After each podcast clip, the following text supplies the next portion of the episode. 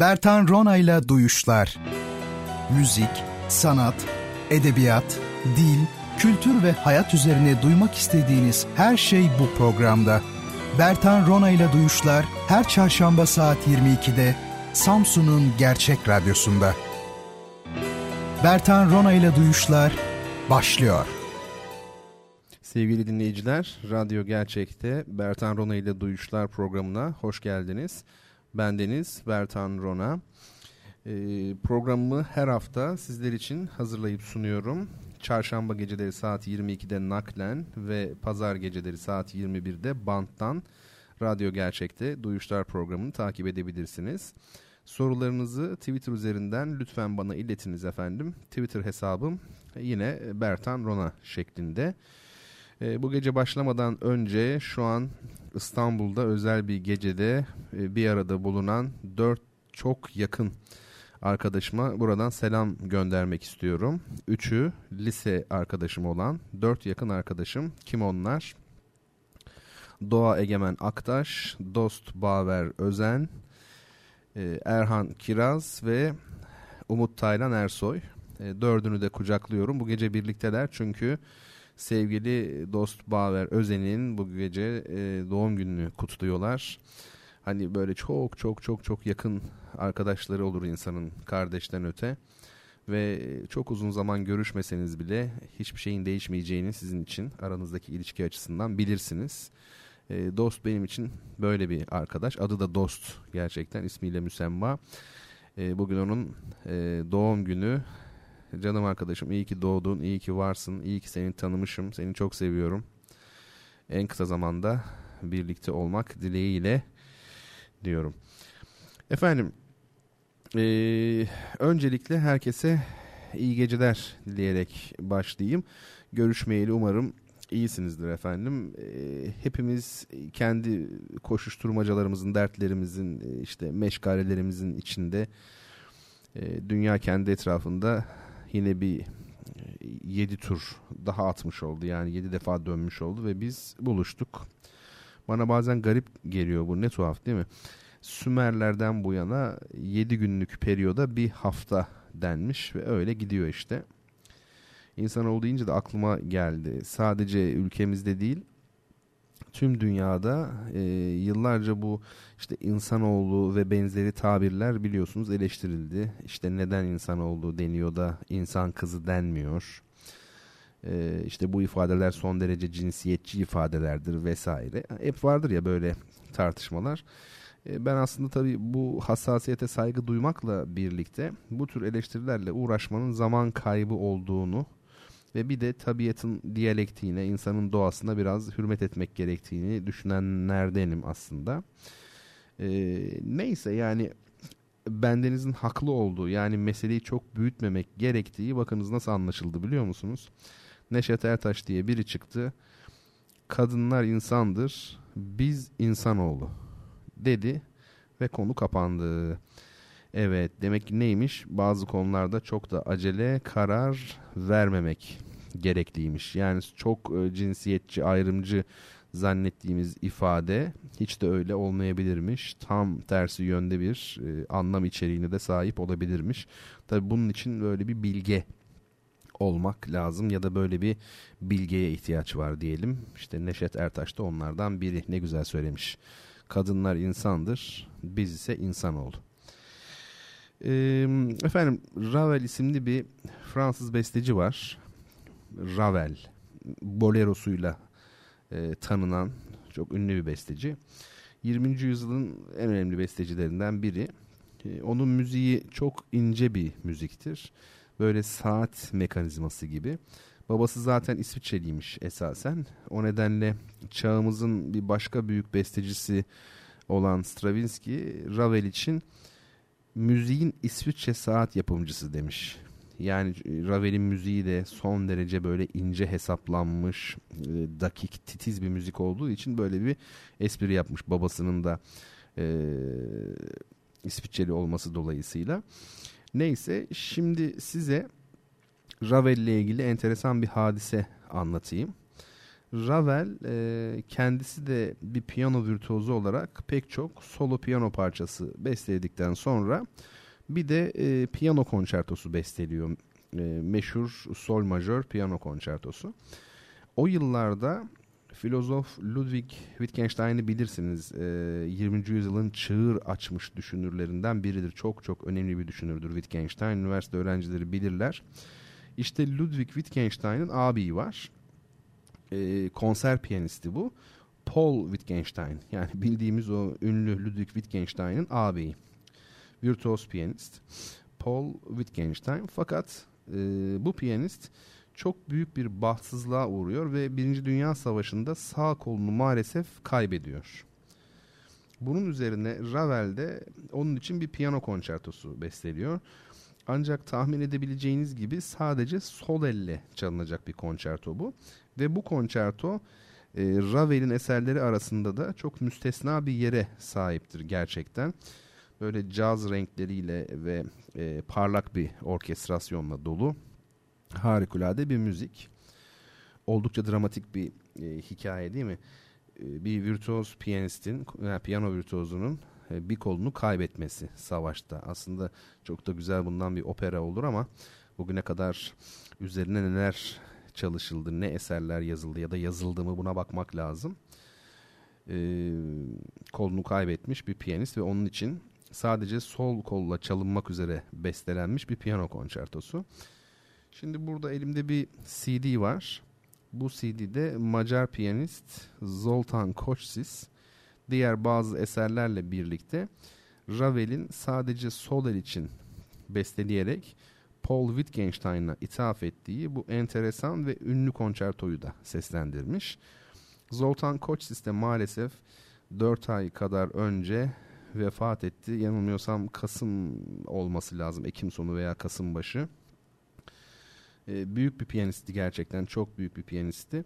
Şimdi bu ünlü e, Lento başlıklı birinci bölümü dinleyelim. Yani Ravel'in Wittgenstein için yazdığı sol elle çalınmak üzere bestelediği konçertonun üç bölümlü bir konçerto bu. Bunun birinci bölümü olan Lento başlıklı bölümü dinleyeceğiz. Hakikaten de biraz böyle düşük sesli ve yavaş başlayacak yani lento olduğunu söylemiştim. Ama bir müddet sabredince insan bunun meyvesini alıyor. Çünkü hakikaten et sonrasında çok parlak güzel bir müzik var. Az önce de belirttiğim gibi piyanoda Zoltan Koçsis, Budapeşte Festival Orkestrası, orkestra şefi Ivan Fischer. Bertan Rona ile duyuşlar kaldığı yerden devam edecek sevgili dostlar.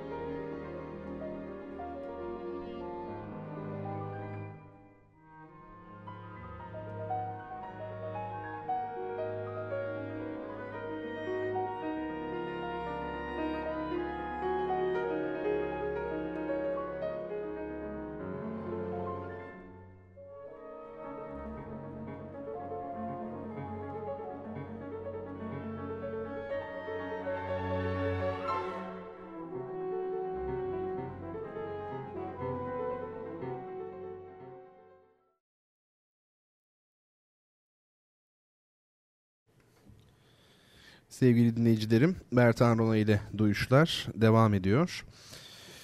Sorularınız varsa lütfen Twitter üzerinden bana iletin. Hesabım Bertan Rona. Ee, geçen gün şöyle bir düşündüm. Bizim e, edebiyatımızda batıda olduğu gibi böyle korku hikayeleri, yaratıklar, e, cadılar falan pek yok. İstisnaları vardır tabii ama e, genelde yok. E, bu durumun tabii nedenleri var. E, Katolizmin, Katolik Orta Çağ'ın insan bedeninden duyduğu korku, tiksinti, nefret ve yine Katolik ilahiyatında insana yüklenmiş olan e, ağır suçluluk duygusu bu nedenlerin temelinde yatan olgular. E, dinler tarihine çok yakın biriyim. E, bu konuda bana itimat edebilirsiniz. Gerçekten de Hristiyan Orta Çağı e, son derece ürkütücü yaratıklar, e, kanlı ritüeller, e, böyle pislik içindeki şehirlerle doludur. E, belli başlı temel edebi eserleri incelerseniz e, Avrupa uygarlığı kapsamındaki bunları sizler de görürsünüz. Bu edebiyata ecnebiler, e, yabancılar gotik edebiyat diyorlar. Yani gotizm. Bizim kültür ve edebiyatımızın bu hususta ne kadar temiz, umutlu ve parlak olduğunu anlamak için Avrupa'daki bu gotik e, karakterlerden, korku karakterlerinden böyle birkaç ismi size hatırlatmam yetecektir. Mesela satir yani şeytani yaratık hikayeleri sayısı belli değil. Güzel ve çirkin masalından hatırlayacağımız o yaratık gibi yaratıkları bolca barındıran peri masalları. Bu masallardaki büyücüler, küçük çocuklara tasallut eden cadılar, e, Frankenstein'lar, bu kuzey mitolojisindeki hani bu Yüzüklerin Efendisi'nden bildiğimiz işte ork türü canavarlar, Drakulalar, işte efendim vampirler yani bir çeşit hayalet süvariler yani başı olmayan süvariler, karılarını öldüren mavi sakallar, işte kurt adamlar, kum adamlar, hatta Metallica'nın şarkısı vardır Enter Sandman diyebilirsiniz. İşte zombiler, e, Amerikalı yazar Lovecraft'ın korku öykülerindeki o karakterler e, vesaire vesaire yani anormal derecede böyle karanlık bir dünya. Fantastik edebiyat tabii. E, bu, bu saydıklarım da e, yüzde biri bile olamaz onu söyleyeyim. İnanın abartmıyorum. İşte şöyle bir düşünürseniz bunların hiçbirinin bizim kültürümüzde hemen hemen karşılığı yok. Var diyen beri gelsin. Ha bizde de mesela işte Gulyabani var veya Tepegöz öyküsü var. Tepegöz gibi takım e, mitolojik diyeyim devler var ama bunun dışında kültürümüze yerleşik e, böyle bir mantık yok. Yani Avrupalıların Amerikalılarınki gibi bir mantık yok işte.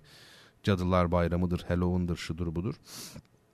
İşte pek öyle öykünülecek, heves edilecek bir şey olmamakla beraber Türkçe'de de bu tür bir edebiyat acaba olabilir mi diye son zamanlarda ben düşünüyordum. Mutlaka yazan olmuştur illaki. Ben bilmiyorumdur. Ama bunlar münferit çıkışlardır yani böyle bir ekol yok. Ama bir yazar olarak, hikaye yazmış biri olarak e, bu geçen hafta içinde bu konuda birkaç taslak girişimim oldu. Enteresandır. Kitap kitapçıda da tesadüfen uzun zamandır aklımda olan bir kitap buldum. Reşat Ekrem Koçu'nun Tarihimizde Garip Vakalar adlı kitabı. Doğan kitaptan çıkmış. Bana ilham verebilecek bir kitap aslında. Arkasında şöyle yazıyor. Bakın ben şimdi size kitabın arkasından okuyayım.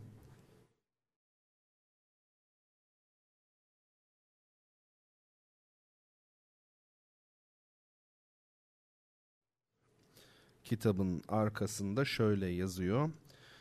Osmanlı tarihi kimi eğlenceli, kimi dokunaklı, nice garip vakalarla dolu. Dal kavukların hayli ayrıntılı fiyat tarifesinden maymun fuhşa alet olur diye biçare hayvanları astırarak idam ettiren maymunkeş Abdülkerim Efendi'ye, Kaşıkçı elmasından Bahriyelilerin maaşlarının gemi enkazı olarak ödenmesine, başına içi saman, talaş, hasır parçaları veya zifti paçavra dolu bir kap koyup tutuşturarak padişaha ateş istidası veren dertlilerden devlet memurlarının yazlık evlerine gidiş tarihlerini düzenleyen yalıya çıkma nizamına, mezarında başı kesilen şehzadeye varıncaya kadar pek çok garip vaka. Reşat Ekrem Koçu'nun bilgilendirirken eğlendirmeyi de ihmal etmeyen usta kaleminden demiş. Peki Reşat Ekrem Koçu kimdir? Ondan da söz edelim. Her şeyden önce İstanbul denildiğinde öncelikle okunması gereken yazarlardan biridir. Kitabın içinden size kendisini e, tanıtmaya çalışayım. Kitabın başında da içinde daha doğrusu şöyle yazıyor. 1905 yılında İstanbul'da doğdu. Babası Ekrem Reşat Bey'dir. Ee, İstanbul Şehremaneti yani belediye başkanlığı muhasebecilerinden Abdullah Reşat Bey ile Osman Paşa kızı Melek Hanım'ın oğluymuş. Efendime söyleyeyim 1920'de Bursa Lisesi'ni bitirmiş. 31'de İstanbul Darülfünunu Edebiyat Fakültesi Tarih bölümünden mezun olmuş. Efendim ee, uzatmayayım 6 Temmuz 75'te İstanbul'da ölmüş. Eserlerine şöyle bir bakalım. Çok ilginç eserleri var gerçekten. Hatice Sultan ve Ressam Melling, eski İstanbul'da meyhaneler ve meyhane köçekleri, tarihimizde garip vakalar ki elimde şu an 1952 tarihli bir kitap. Osmanlı padişahları, dağ padişahları, esircibaşı, Forsa Halil, erkek kızlar, yeniçeriler, Osmanlı tarihinin panoraması, Fatih Sultan Mehmet, Patrona Halil, Kabakçı Mustafa. Ayrıca bakın burası çok önemli. Son derece özgün bir çalışma olan Türk giyim, kuşam ve süsleme sözlüğünün de yazarıdır. Bütün bu eserlerin yanı sıra Koçu genellikle büyük bir yayıncılık ve yazarlık macerası olarak anılan İstanbul Ansiklopedisi ile özdeşleştirilir. Büyük kısmını bizzat ve bazen de takma isimler alarak yazdığı, resimlediği, kaynak bulduğu bu baş eserini bitirmesi maalesef mümkün olmamış. Ansiklopedi G harfinin ortalarında maddi yetersizlikler nedeniyle durmuştur. Düşünebiliyor musunuz? İstanbul Ansiklopedisi. Çok enteresan, renkli, ilginç, güzel vakit geçirip insana bir şeyler e, öğretebilecek bir e, yazar. Reşat Ekrem Koçu. Bakın bu tarihimizde garip vakalar kitabının içinden ben size şöyle bir bakıyorum şeyler e, öykülerin adları Tırnova cadıları mesela bir tanesi. Bir tanesi mezarında başı kesilen şehzade. Bir tanesi dağ başındaki garip mezarlar. Bir tanesi başıyla top oynanan vezir. Bir tanesi de lokma lokma doğranan vezir. Evet bir aile e, acayip değil mi? Neyse bu kadarı yetsin. biraz sert oldu. Biraz müzik arası verelim. Şimdi çünkü gotik falan derken bayağı korkunç öykü isimleriyle karşılaştık. Öykü gibi de değil. E, tarihi vesikaları incelemiş biri olduğu çok belli. Tabi eski yazı zaten bildiği için rahatlıkla inceleyebiliyor. Şimdi konuyu değiştirmek için reklam arası verirler ya biraz bizimki de öyle olsun. Chopin'in e, Fransız besteci Polonyalı besteci Chopin'in e, Fransız'da denilebilir o ayrı bir konu da. Bir gitardan daha güzel bir şey varsa o da iki gitardır dediği rivayet edilir. Ben de gitarın ses rengini çok severim ve gitarın klasik müzik dahilinde çok ihmal edilen bir çalgı olduğu kanaatindeyim işin açığı. Gelin şimdi biraz gitar müziği dinleyelim. O yumuşacık sesiyle harika sazdan. Bakın ne güzel nameler çıkıyor. İspanyol besteci Fernando Sor e, Sor'un e, Fernando Sor diye bir besteci var e, İspanyol. Onun gitar için yazdığı Altı Vals ve Bir Galop adlı eserinin ilk üç valsini şimdi dinleyeceğiz hep birlikte. Gitarda Adam Holtzman var. Bertan Rona ile duyuşlar kaldığı yerden devam edecek sevgili dinleyiciler.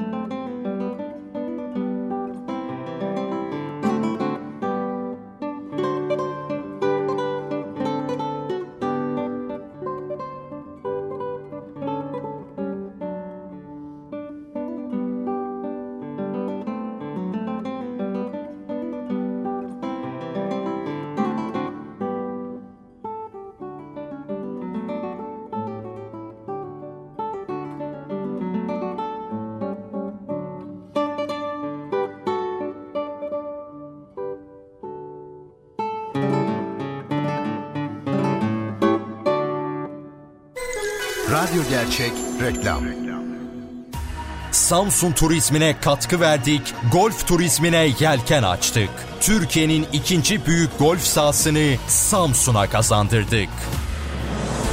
Sizin için Samsun Büyükşehir Belediyesi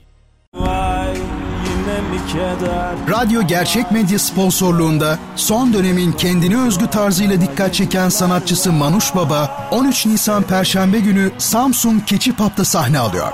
Bu keyifli konseri kaçırmayın.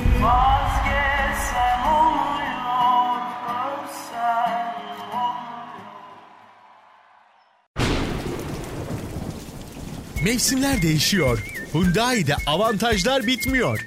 Hyundai Tucson, Elantra, i30 ve i20 şimdi 8 bin liraya varan indirimler ve %0 faiz avantajıyla Kamer'de sizi bekliyor. Hemen Kamer'e gelin bu büyük fırsatı kaçırmayın. İletişim 266 5 888 veya kamerotomotiv.com Radyo Gerçek Reklam Bertan Rona ile Duyuşlar devam ediyor. Sevgili dinleyicilerim, Radyo Gerçek'te Bertan Rona ile Duyuşlar programındasınız. Müzik, sanat, edebiyat, kültür, dil ve hayata dair her şeyi konuşmaya çalışıyoruz. Siz de bize katılın. Gecenin bu saatinde hem iki çift söz edelim hem de dinlenelim. Şimdi İhsan Demir Bey, umarım yanlış söylemiyorumdur, Twitter'dan bu yayınları takip edebileceğimiz bir kayıt, arşiv türü, ortam varsa nedir diye sormuş. Geçmiş programlarımızın kayıtlarını SoundCloud'da bulabilirsiniz İhsan Bey. Ee, SoundCloud'da Radyo Gerçek yazarsanız orada Duyuşlar programının eski bölümlerinin kayıtları var. Onun dışında bildiğiniz üzere her çarşamba naklen yaptığımız programın banttan tekrarını pazar geceleri saat 9'da yine Radyo Gerçek'te dinleyebiliyorsunuz. Şükrü Başkaya e, bugün İlber Hoca'dan okumuştum diyor. Reşat Ekrem Koçu'yu okumuştum ondan ve ilgimi çekmiş. Biraz da araştırma yapmıştım. Tevafuk oldu. Herhalde sizde de konu Reşat Ekrem Koçu demiş. Evet bir tevafuk e, tamamında olmasa da programımızın bir bölümünde biz de Reşat Ekrem Koçu'yu andık. Tarihimizde Garip Vakalar isimli eserini tanıtmış olduk. Ve yine benim Twitter'daki müdavimlerimden ve birazdan kendisi için söz vermiş olduğum Yemen türküsünü de çalacağım. Adını bilmediğim, nickname'i Terzi olan sevgili arkadaşımız. Ee, o da bize ne yazmış şöyle bir e, bakalım. Modadaki gotik tarzını hatırlatalım demiş. Son zamanlarda diyor gotik tarz çok yaygınlaşıyor. Bizim kültürümüzde var olmayan e, Cadılar Bayramı kutlanmaya başlanıyor demiş. Çocukluğumda radyo tiyatrosunda ya da bir roman, bir hikaye programında da olabilir. Mavi Sakallı dinlemiştim diyor. O yaşta çok etkilenmiştim demiş. Şimdi devam edelim efendim kaldığımız yerden. Bu tweetleri, soruları da aldıktan sonra mentionları her neyse. Şimdi iki çift söz edelim hem de dinlenelim demiştim. Dinlenelim deyince aklıma e, bu kelimenin kökeni geldi. Biliyor musunuz? Aslında eski Türkçe'de tın nefes demek. Evet, nefes tın. E, buna göre tınlamak da e, nefeslenmek, soluklanmak anlamına geliyor. Tınlanmak, pardon, tınlanmak neymiş? Nefeslenmek, soluklanmak demekmiş. İşte bu tınlanmak zamanla dinlenmek biçimini almış. Yani biz aslında dinlenmek derken nefeslenmek, soluklanmak diyoruz. İşin ilginç tarafı çalgıların ses çıkarmasına da tınlamak diyoruz. Seslerine tını diyoruz. Hani bulmacalarda çıkar hep e, işte boru sesi diye. Onun cevabı t'dir. Galiba o da bu konuştuğumuz meseleyle bağlantılı. Neyse. Bu da böyle bir bahis işte. Dün bir ara dikkat ettim. Etrafta ne kadar çok kadın kuaförü var. Ee, ama gerçekten haddinden fazla. İlgimi çekti. Neden diye düşündüm. Yani bence bu başka bazı toplumsal sebeplerle birlikte e, bireysel açıdan bakıldığında da kadınların e, kanımca mutsuz olduklarını gösteriyor. Çünkü kadınlar e, kuaförden çıktıklarında kendilerini iyi hissederler. E, bir de şöyle kötü hissettiklerinde de kuaföre giderler. E, demek bu yönde büyük bir talep var ki bu kadar çok e, kuaför açılmış. Benim çıkarsamam bundan dolayı. Tabii kadınlar erkekleri çok iyi tanıyorlar açıkçası. Yani bilgi düzeyinde değil de içgüdüsel olarak iyi tanımalarından e, söz ediyorum. Erkekler dış dünya ile daha çok gözleri üzerinde bir bağlantı kurdukları için kadınlar makyaj yapmakta. Ama tersi de var. Erkekler ise e, kadının gören değil daha çok dinleyen ve hayal eden bir varlık olduğunu bildikleri için onlar da yalan söylerler efendim erkeklerde. Aynen böyle. Yani sevgili dostlar her iki tarafta alttan alta birbirini gayet güzel e, tanıyor. Bunu söyleyebiliriz. E, bayan e, kuaföründen buraya kadar geldik. Dil öyle e, bir hadise ki bu moda denen şey belki de en çok dilde geçerli. Mesela eskiden berber denen şey artık kuaför oldu. E, lokanta restoran oldu. Torba poşet oldu vesaire. Diyelim ki işte buralarda iyi bir lokanta var mı diye sorarsanız veya süpermarketteki kasiyer kıza bir torba daha verir misiniz derseniz bayağı görgüsüz, kro hatta andavallı olarak görülebilirsiniz. Bu andavallı kelimesinin de hikayesi bir acayiptir. Ya onu da başka bir gün konuşuruz. Efendim, madem bugün daldan dala atlıyoruz, size Shakespeare'den bir şiir okuyayım şimdi. Şairin e, ünlü sonelerinden 66 numaralı olanı okuyacağım. Tabii Shakespeare üzerine, onun oyunları ve şiirleri üzerine saatlerce konuşmak gerekir. Ona müstakil bir program ayırırız inşallah. Şimdilik dünyaca ünlü bu 66 numaralı sone ile yetinelim efendim. Evet ben size şimdi önümdeki kitabı açıp önce bulup tabii 66 numarayı, numaralı soneyi okuyorum.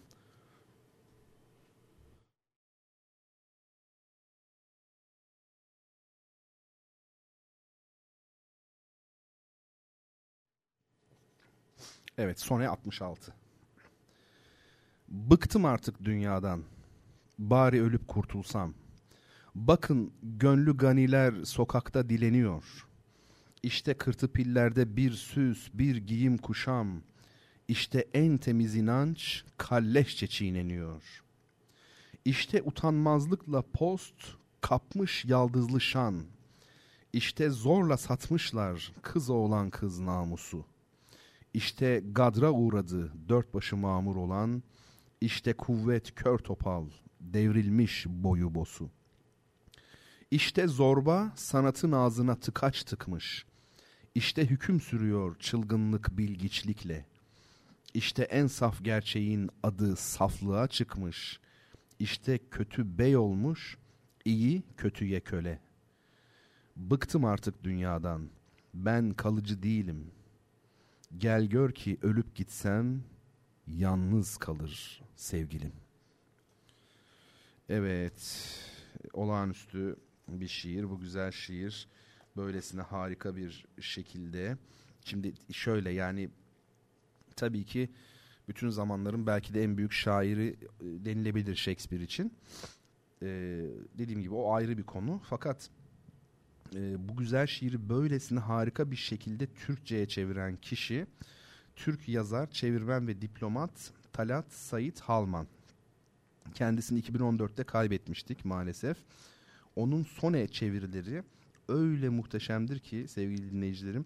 Bakın az önceki e, az önce okuduğum sone sanki Türkçe bir şiir dinler gibi olduk değil mi biz onu dinlerken? Halbuki İngilizce ve Türkçe gibi yapısal özellikleri çoğu kere birbirine ters iki dilden birbirine yapılan bir çeviriden söz ediyoruz. Onun çevirisiyle e, soneler sanki Türkçe yazılmışlar gibi e, zevkle e, okunabilir hale gelmiş oluyorlar ve bütün soneler bu arada sonelerin tamamı. Onu da belirteyim. E, şimdi az önce de bahsettim benim geçen haftalardan kalma bir e, müzik sözüm vardı. E, müdavimlerinden Twitter'daki takipçilerimden birine verdim bu sözü. Kendisini tanımıyorum ancak nickname'i terzi olan kişi bu arkadaşımız Yemen türküsünü istemişti. Şimdi onu çalacağım. Tabii Yemen türküsünün herhangi bir kaydını bulup ben seslendirebilirdim. Bunu buradan çalabilirdim açıkçası. Ama o çok e, esprili olmazdı, ilginç olmazdı. E, benim e, konservatuvar yıllarında yaptığım bir e, düzenleme vardı. Yemen türküsü düzenlemesi ve bu seslendirilmişti de pek çok yerde. E, soprano ve e, piyano için. E, yani piyano yazısını, armonilerini tamamen benim belirlediğim bir versiyon. Düzenleme bu demek, aranjman bu demek. E, rica ettim ve Samsun Devlet Opera ve Balesi sanatçılarından üç arkadaşım onu benim için seslendirip kaydetmişler. E, tabii canlı bir kayıt olmuş bu. E, piyanonun akordu maalesef böyle çok iyi değil. Ancak arkadaşlarım gerçekten de nefis e, yorumlamışlar. Çok içten ve çok samimi bir yorum olmuş. E, biraz tabii çok sesli duyacağız Yemen türküsünü. Biraz şan tekniğiyle söylenmiş duyacağız. E, ama e, zannediyorum hediyeyi de e, orijinal bir şekilde arkadaşa e, ulaştırmış vermiş oluyoruz. Yani hediyesini Yemen türküsü demiştik. Bunu gerçekleştirelim şimdi. Ben sevgili sanatçı arkadaşlarım Soprano Gamze Barhan'a, piyanist Özgün Coşkuner'e ve bu kaydı yapan Murat Turgut'a çok çok teşekkür ediyorum burada. Dediğim gibi kulağa biraz farklı gelebilir bu kayıt ama oldukça içten ve sade bir yorum. Şimdi dinleyelim Yemen türküsünden sonra kaldığımız yerden devam ederiz.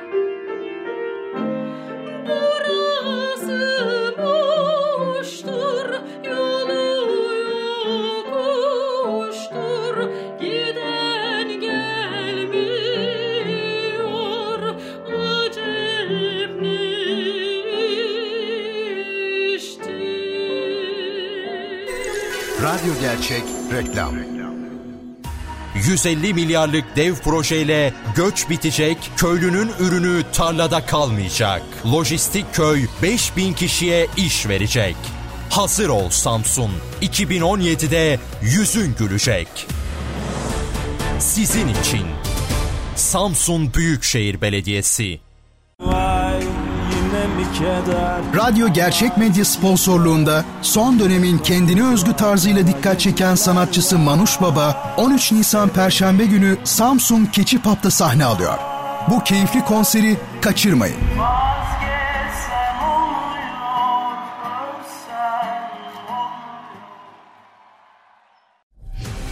Her şey zamanında güzel. 2017'de 2017 model Civic'ler Kamer'de sizi bekliyor. İletişim 438 30 çift 0 veya kamerotomotiv.com.tr Hedef göstermek için. Güç için. Baskı kurmak için değil, yalnızca gerçeklerin sesi olmak için buradayız. Gerçeklerden korkmuyorsanız Samsun'un gazetesi Gazete Gerçeği takip edin. Radyo Gerçek Reklam Samsun'da artık her alanda bilgi edinebileceğiniz, güncel haberleri ve hava durumunu sizlerle paylaşan bilgi temalı bir radyo istasyonu var. Radyo Gerçek yayında. Bertan Rona ile Duyuşlar devam ediyor. Sevgili dinleyiciler, Radyo Gerçek'tesiniz. Bendeniz Bertan Rona. E, Duyuşlar programını sizler için hazırlayıp sunuyorum ve programın son bölümünde sizlerle birlikteyim. E, sevgili yine takipçilerimden Duygu Özbek yanlış hatırlamıyorum değil mi Duygucum? Biz birbirimizi gayet iyi biliyoruz. Evet hayırlı geceler hocam demiş düzenleme nefis olmuş terziyi kıskandım doğrusu diyor. E, hiç kıskanma sana da bir tane hediye ederiz madem öyle bir sözümüz de sana olsun. Sevgili Duygu bildiğim kadarıyla Duygu yanlış mıyım bilmiyorum ama değil mi mecburi hizmet yapıyor öyle bir şey kalmış aklımda. Hekim olarak vazife başında vatana insanımıza hizmet ediyor. Evet bizler de sizin yanınızdayız sevgili Duygu. Şimdi geçen gün bilgisayar başında çalışırken tesadüfen e, bir dosyaya girdim. Bilgisayarımdaki dosyalardan birine girdim. Orada şöyle yazmışım. Her av avlandıktan sonra avcısına yük olur. Felsefi bir söz olmuş yani kabul edelim. Her e, av avlandıktan sonra avcısına yük olur. E, sonra bunun üzerine şöyle biraz düşündüm. Tabii en somut anlamda baktığımızda e, bir avcı diyelim ki bir tavşan vurmuş olsun. Vurduktan sonra tabii ki onu taşımak zorundadır. E, sözün daha soyut anlamına baktığımızda e, avını vurduktan sonra vicdanen bir yük altına e, girmesi avcının söz konusu olabilir. Yani bunu çoğu kişi böyle düşünür tabii. Haklı olarak ama bunlar ilk akla gelen şeyler aslında. Daha detaylı düşünüldüğünde ise bu meselenin e, hayatın her alanında insanın karşısına çıktığını söyleyebiliriz. Mesela zengin olmak isteyen genç bir adam düşünelim ve zengin oldu diyelim. E, kendisine bankadan bankaya koşturacağı, toplantıdan toplantıya gireceği, sürekli e, yatırımlarını düşünerek hesap yapacağı bir hayat kalacak geriye emin olun. E, bebeği olsun isteyen yani bebeği olmasını isteyen bir kadın düşünün. Bebeği olduktan sonra kendisine yük olacak. Hem de daha ana karnındayken bile yük olacak. Doğduktan sonra bütün bir hayat yük zaten. Diyeceğim şu. Hayat boyu bir takım hedeflerin peşinde koşuyoruz. Sonra onlara ulaştığımızda e, bırakın o, o kadar da esprisi yokmuş falan demeyi çoğu kere elde ettiğimiz haliyle bize yük olmaya başlıyorlar. Yani elde ediyoruz ya o kadar da esprisi yokmuş bu kadar uğraştık falan. Keşke sadece bu olsa yani mesele. O da değil. Bir de bize yük olmaya başlıyorlar. Özellikle gençlikte hep iyimser bir bakış açısı söz konusu olduğu için aşılacak her duvarın e, ardında mutluluk şehri varmış hayali kurarız. Her duvarın yani bir duvar aşılıyor arkasında mutlaka böyle bir şey var. Affedersiniz e, bir e, mutluluk var harika şeyler olacak gibi ama her defasında bir bakıyorsunuz o duvardan sonra bir duvar daha çıkıyor. Mesela ilkokuldan sonra işte lise. Lise son sınıfta bütün bir yıl üniversite sınavına hazırlanıyorsunuz.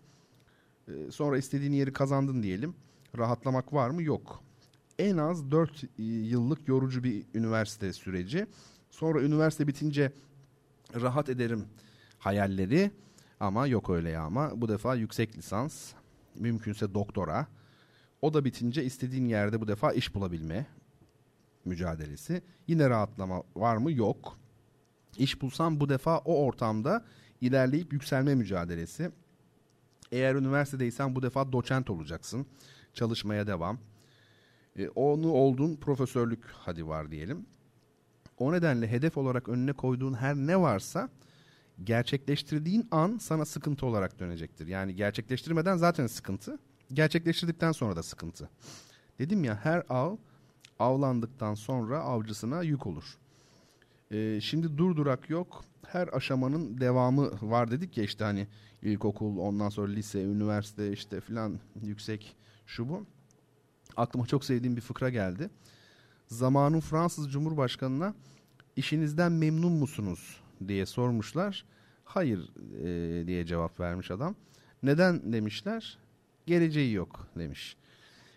Hakikaten Cumhurbaşkanı'nın geleceği yok bu manada baktığında orada son nokta gibi bir şey oluyor değil mi? E, evet gördüğünüz gibi işin sonuna gelmiş olanlar da mutlu değil. Yani e, geleceği yok içinizden memnun musunuz diye soruyorlar. İşte Fransız Cumhurbaşkanı'na hayır diyor o da mutlu değil yani. Yani o mutluluk bir ütopya galiba. Evet. Artık saatse şöyle bir bakmanın zamanı geldi. E, müziğimizle birlikte bir saati dolduracağız öyle görünüyor. Kısa kısa böyle sohbetler Bertan Rona ile efendim. Ben de sizlerin seslerinizi duymuyorum belki ama işte Twitter'dan yazıyorsunuz sağ olun. Bazen de hissediyorum bir şekilde. Çünkü mesleğim gereği topluluklar karşısında çok konuştum. İşte hocalık yaptım, koro şefliği yaptım, e, rejisörlük yaptım vesaire sayısız seminer, konferans verdim. Biraz alışkınım. O yüzden karşımdaki insanlar konuşmasa bile, seslerini duymasam bile onları dinliyor gibi oluyorum. İnanın bana. Ee, evet programımızı artık sonlandıralım yavaş yavaş ama önce bu gece e, Shakespeare'den bu defa da 43 numaralı e, Sony'yi ben sizin için okuyayım. Muhteşem bir sone yine. E, hemen ardından da ünlü Azeri caz piyanisti benim çok sevdiğim artık takip edenler biliyorlardır sevdiğimi. Vagıf Mustafa Zade'nin Sevil vokal dörtlüsü ile beraber yorumladığı Sweetheart parçasıyla sonlandıralım.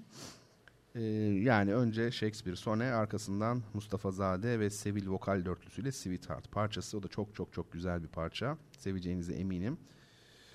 Ee, bu programın tekrarını pazar gecesi önümüzdeki pazar gecesi saat 21'de Radyo Gerçek'te e, naklen dinleyebiliyorsunuz efendim biliyorsunuz. Ee, her hafta ben çarşamba günleri saat 22'de e, sizlerle beraber oluyorum. Bunu da bir kez daha e, hatırlatayım. Ve haftaya çarşamba görüşmek üzere. Önce Shakespeare Sone, arkasından da e, Sweetheart Vagıf Mustafa Zade.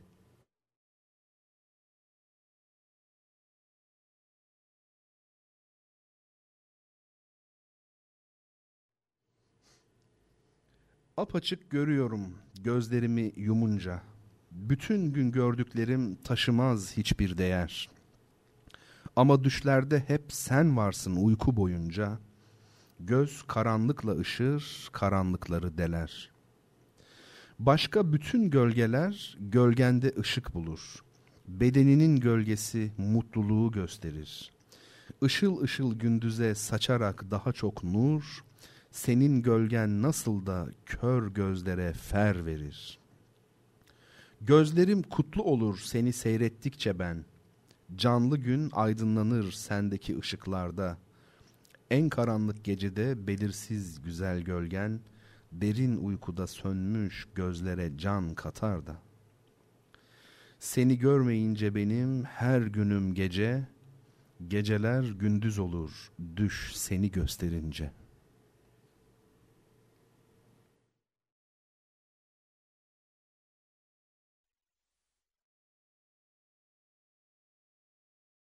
Samsun'un